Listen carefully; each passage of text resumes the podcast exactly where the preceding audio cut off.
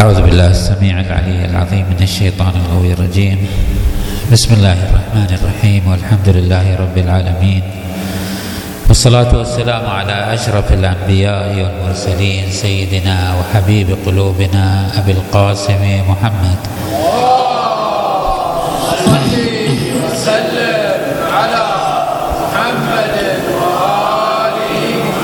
وعلى أهل بيته الطيبين الطاهرين. المعصومين الميامين اللهم صل على محمد وآل محمد.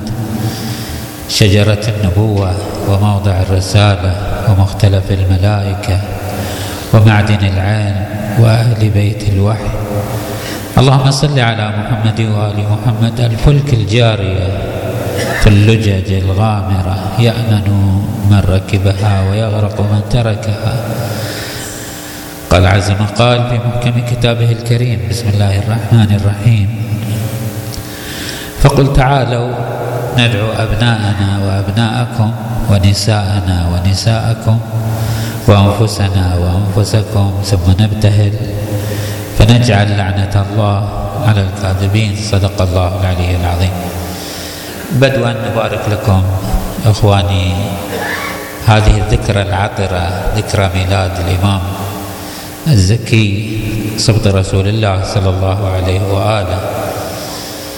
وتستحق هذه الذكرى الائتلاف والاجتماع لتدارس تاريخ هذا الإمام الذي وقع في أيام زمانه أحداث ومجريات أوقعت الكثير في شبه حتى أن بعض الشيعة في زمان الإمام الصادق كان يظن أن الإمام بعد أمير المؤمنين عليه أفضل الصلاة والسلام هو الإمام الحسين عليه السلام باعتبار أن الإمام الحسن عليه أفضل الصلاة والسلام قد تنازل لمعاوية كما هو سائد ويقال بهذه المصالح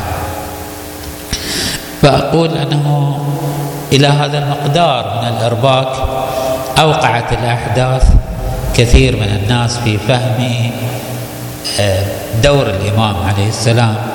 وهذا من الظلامة التي تزيد ظلامته عليه أفضل الصلاة والسلام ظلمة على ظلمة فالإمام الإمام الحسن عليه السلام أشد ظلامة وأوغل في التأثير. ولعله حتى يومنا هذا عندما يذكر الحسن والحسين فإنه يذكر الإمام الحسين عليه أفضل الصلاة والسلام بكثير من التبجيل والإكبار والعظمة والثورية والفداء والبطولة وال... أما الإمام الحسن فهو عليه السلام آه، مصالح مسالم ملاين مهادن وما شكل ذلك من ألفاظ وتصورات. على أنه يبدو من خلال مجموع النصوص بل أنه الدليل العقلي القطعي الظاهر منه أنه أفضلية الإمام الحسن عليه أفضل الصلاة والسلام حتى على الإمام الحسين عليهما جميعا أفضل الصلاة والسلام على أن فهم هذا التفاضل لا يخلو من صعوبة وإرباك. لو رجعنا إلى مجريات الأحداث في تاريخ المسلمين بعد وفاة الرسول صلى الله عليه وآله يمكننا أن نقسمها إلى ثلاثة مستويات من آه، الخلل والإرباك الذي أصيبت به الأمة الإسلامية. الخلل الأول وهو انعطافة أساسية بعد وفاة الرسول صلى الله عليه وآله وخروج الولاية عن أمير المؤمنين عليه أفضل الصلاة والسلام. حسب مبامنينا وفهمنا أن الولاية كان يفترض أن تكون لأمير المؤمنين. ولكن جاء من أخذ بزمام الأمور.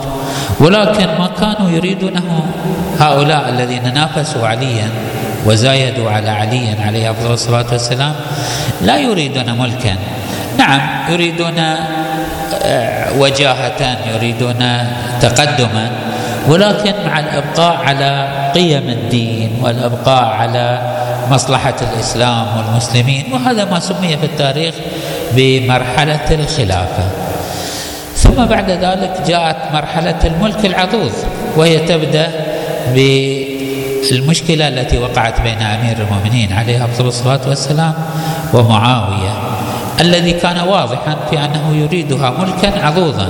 وهذا ليس اختيارنا ومبنانا فقط فهذا أبو الأعلى المولى نعم ليس الموجودي الآخر أبو الأعلى المولوي يبدو اسمه. كتب كتابا في الملك والخلافة بحيث أصبحت القضية واضحة أنه انتقلت من حالة تدبير رسالة وتدبير أمة وتدبير نبوة إلى حالة استبداد وبسط اليد والتفرد بالحكم حتى أصبحت ملكا عضوضا. ولكنها انتقلت في زمن يزيد إلى حالة من الشهوانية المحضة والتلذذ المحض يعني أنه يزيد حتى الملك ما كان يسعى له فقط. لعله معاوية أرفع شأنا من ابنه والخلافة كانت أرفع شأنا وهذا من الواضحات. ما أريد أن أقوله في هذه الوقفة المختصرة أنهم عليهم أفضل الصلاة والسلام ولعله في مرحلة الإمام الحسن لها خصوصية وهي تشابك الأمور. أنهم عليهم أفضل الصلاة والسلام الأئمة الحسن والحسين ومن تلاه كانوا يسعون كما هو أمير المؤمنين عليه السلام كما أسسه رسول الله صلى الله عليه وآله. كانوا يسعون إلى بسط اليد وأخذ زمام الأمور. ولكن هذه القضية إنما هو من باب آه، تستهدف شيء وراء ذلك وهو إقامة النبوة إقامة القيم إقامة الثقافة والإدراك والمعرفة. النبوة لا تعني فقط أن تسوس الناس إلى طريق الحق. النبوة أن تبني الوعي والإدراك عند الإنسان. أن تصوغ روح الإنسان. أن تبني روح الإيمان حقيقة الإيمان. إذا اختل الهيمنة وبسط اليد لا يعني الاستسلام وهذا ما فعله الأئمة عليهم أفضل الصلاة والسلام. حتى وأن أخذ منهم الخلافة ولكن أمير المؤمنين كان يسعى كما هو قال لأسالمن ما سلمت أمور المسلمين. كان يسعى لبناء الهيئة الإسلامية التي تحافظ على قيم الدين تحافظ على مقاصد الشريعة تحافظ على رسالة النبوة الخالدة. نعم حصل هناك بعض الخلل في زاوية منها وهي البعد السياسي مثلا. لكن يبقى القيمة الأخلاقية الوعي الديني لكي نوضح هذه الجهة في اهتمامهم عليهم أفضل الصلاة والسلام. نبرز لكم هذا من خلال رواية أشبه ما تكون بقصة لا تخلو من نحو من الطول.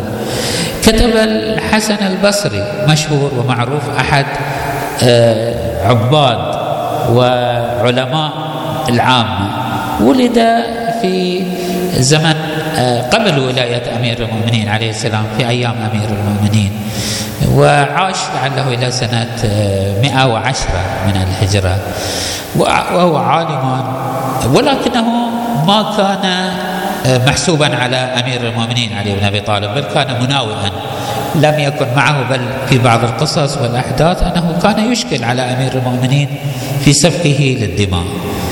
هذا أبو الحسن الحسن البصري ابن أبي الحسن كتب إلى الإمام الحسن عليه أفضل الصلاة والسلام أنه أما بعد فإنكم معشر بني هاشم أنتم الفلك الجارية وأنتم أنتم الفلك الجارية في اللجج الغامرة وأنتم أعلام النبوة الشاهرة وأنتم كسفينة نوح عليه السلام التي نزلها المؤمنون ونجا فيها المسلمون.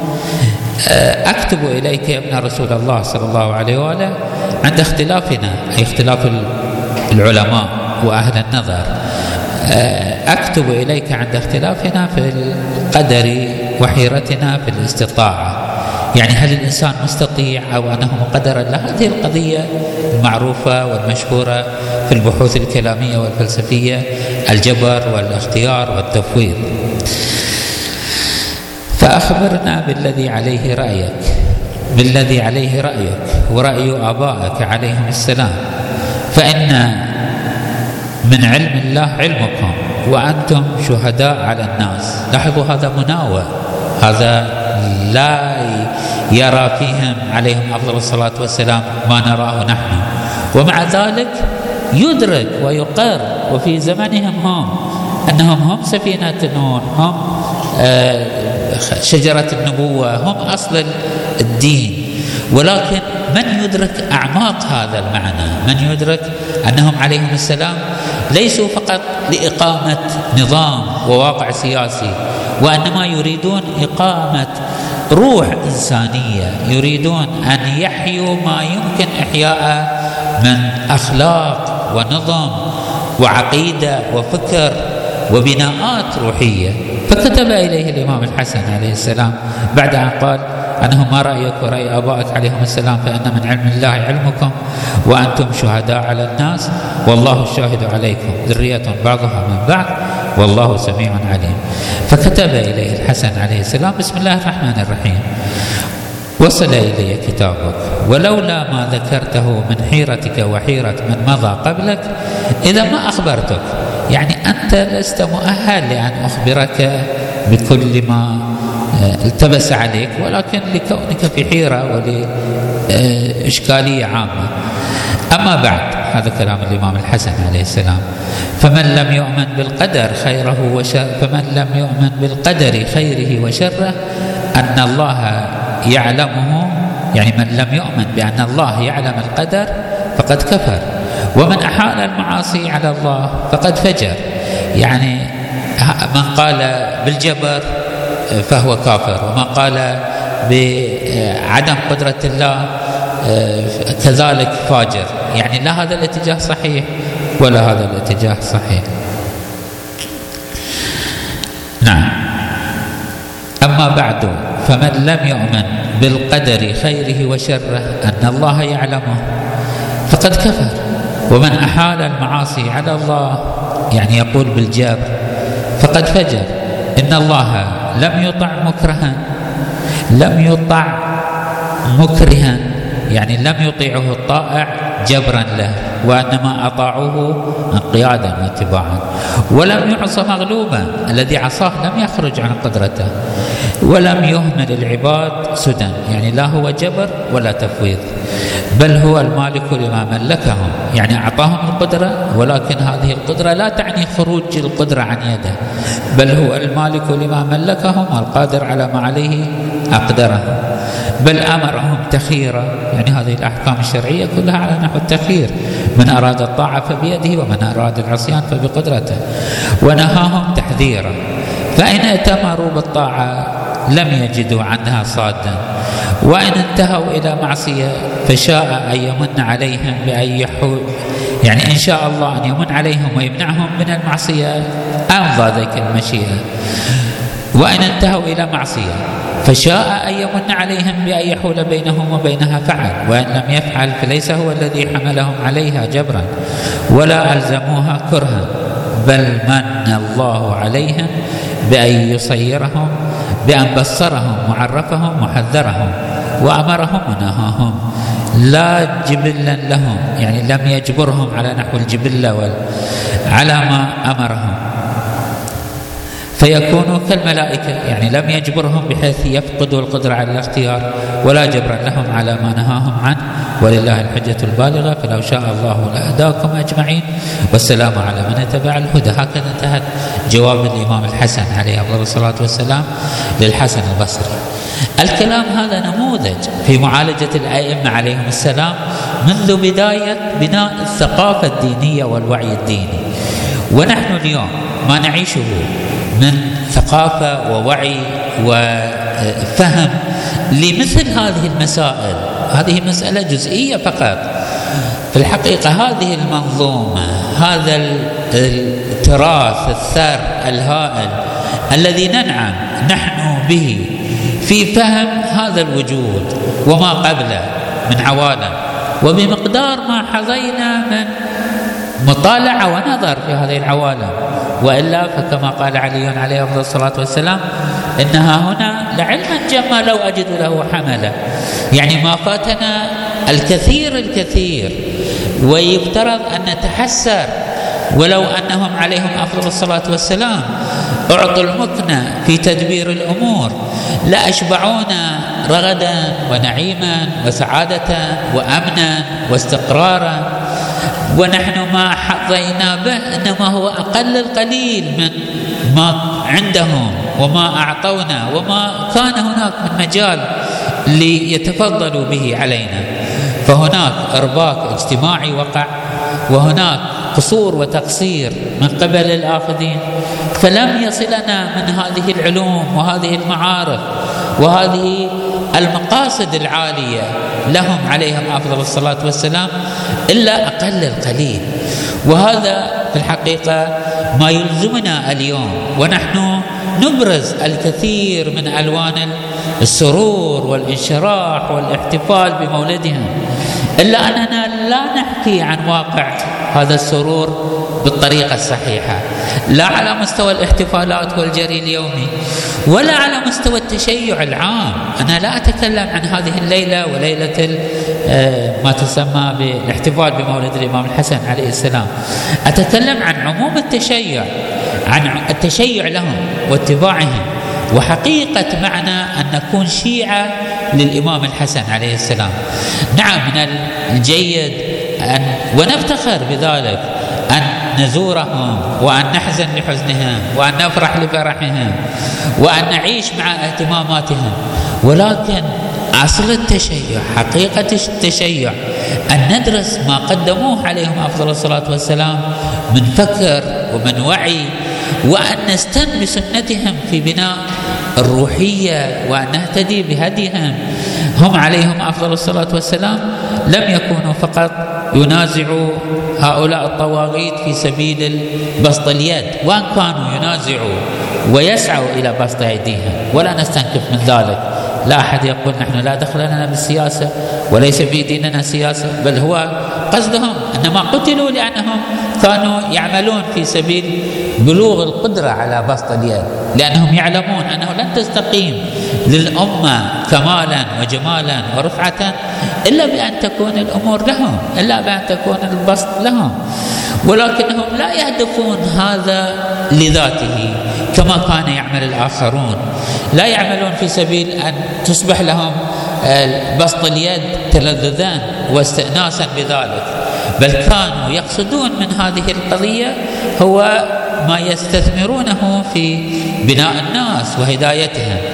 إذا لم يتحقق لهم بسط اليد فلا أقل يسعون في سبيل أن يوصلوا هذا الفكر مهما كانت النوافذ أضيق مهما كانت السبل أصعب مهما كانت القضايا في محدودية معينة. ومع ذلك لنقر أنهم عليهم أفضل الصلاة والسلام استطاعوا أن ينفذوا وبشق الأنفس وبتقديم الدماء وبالدخول في السجون وبتحمل الصعوبات في سبيل إيصال هذه الأمور لنا. واستنقاذ ما يمكن استنقاذه من آه، بقايا صلاح وهدايه ورشاد. قدموا في سبيل ذلك الغالي والرخيص. وهذا ما يوجب لهم عليهم أفضل الصلاة والسلام الحق العظيم والمن الكبير علينا. وأنه يجب أن نستشعر هذه المعاني في أنفسنا وأن ندرك أنهم كم بذلوا عليهم أفضل الصلاة والسلام. أنا أكرر هذا المعنى كثيرا. هذه الظلامة التي بلعها الإمام الحسن وكان بإمكانه أن يتوسل بأسباب المغالبات والغدر والحيلة وخصوصا أنه دخل مع معاوية في عملية قهر وعملية مواجهة. حتى أن بعض أصحاب الإمام الحسن عليه الصلاة والسلام كان يقول له السلام عليك يا مذل المؤمنين. أي توهين وأي تقليل وأي كرامة للإمام الحسن؟ وهو كريم قومه وهو عزيز قومه وهو ابن رسول الله صلى الله عليه وآله وهو ابن الطهر وأبناء الطهارة. هكذا عبارة وليست كلمة. إنها تاريخ انها واقع إنساني ممتد إنه يمتد من أيام الإمام الحسن عليه افضل الصلاة والسلام لعله إلى يومنا هذا. ينظر إليه على انه حتى بعض الكتاب والمثقفين يقولون الإمام الحسن عليه أفضل الصلاة والسلام كان يحب الموادعة منذ زمن علي بن أبي طالب وكان يعارض أبي. موجود هذا في بعض الثقافات. أن الإمام الحسن عليه السلام من طبعه لين سهل ومواقفه تدل على ذلك. هذا الحال الذي قبله الإمام الحسن على نفسه. هذا المستوى من الاستيعاب والامتصاص لكل هذه الشتائم والتوهين والتقليل من شأن عليه أفضل الصلاة والسلام. وهذا لا يتحمله كثير من الناس. كثير من الناس قادر على أن يستشهد ألف مرة.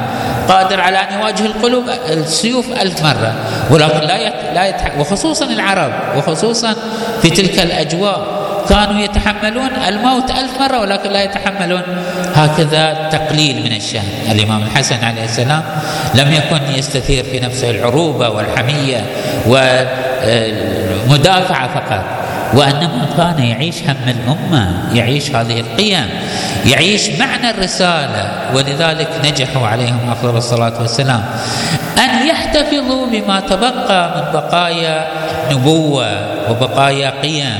وبقايا معالي وبقايا كرامة ليحفظوها ويقدموها لنا يفدون أنفسهم وأرواحهم لهذه القيم لهذه المعاني لهذه الروحية. فمن الجدير بنا نحن أن نستوعب هذا المعنى وأن نستشعر هذا المعنى في أعماقنا ليكون في أنفسنا شيء من المحبة والتوقير والتقدير. وهذا معنى الائتمام وهذا معنى التشيع وهذا معنى الانقياد لهم.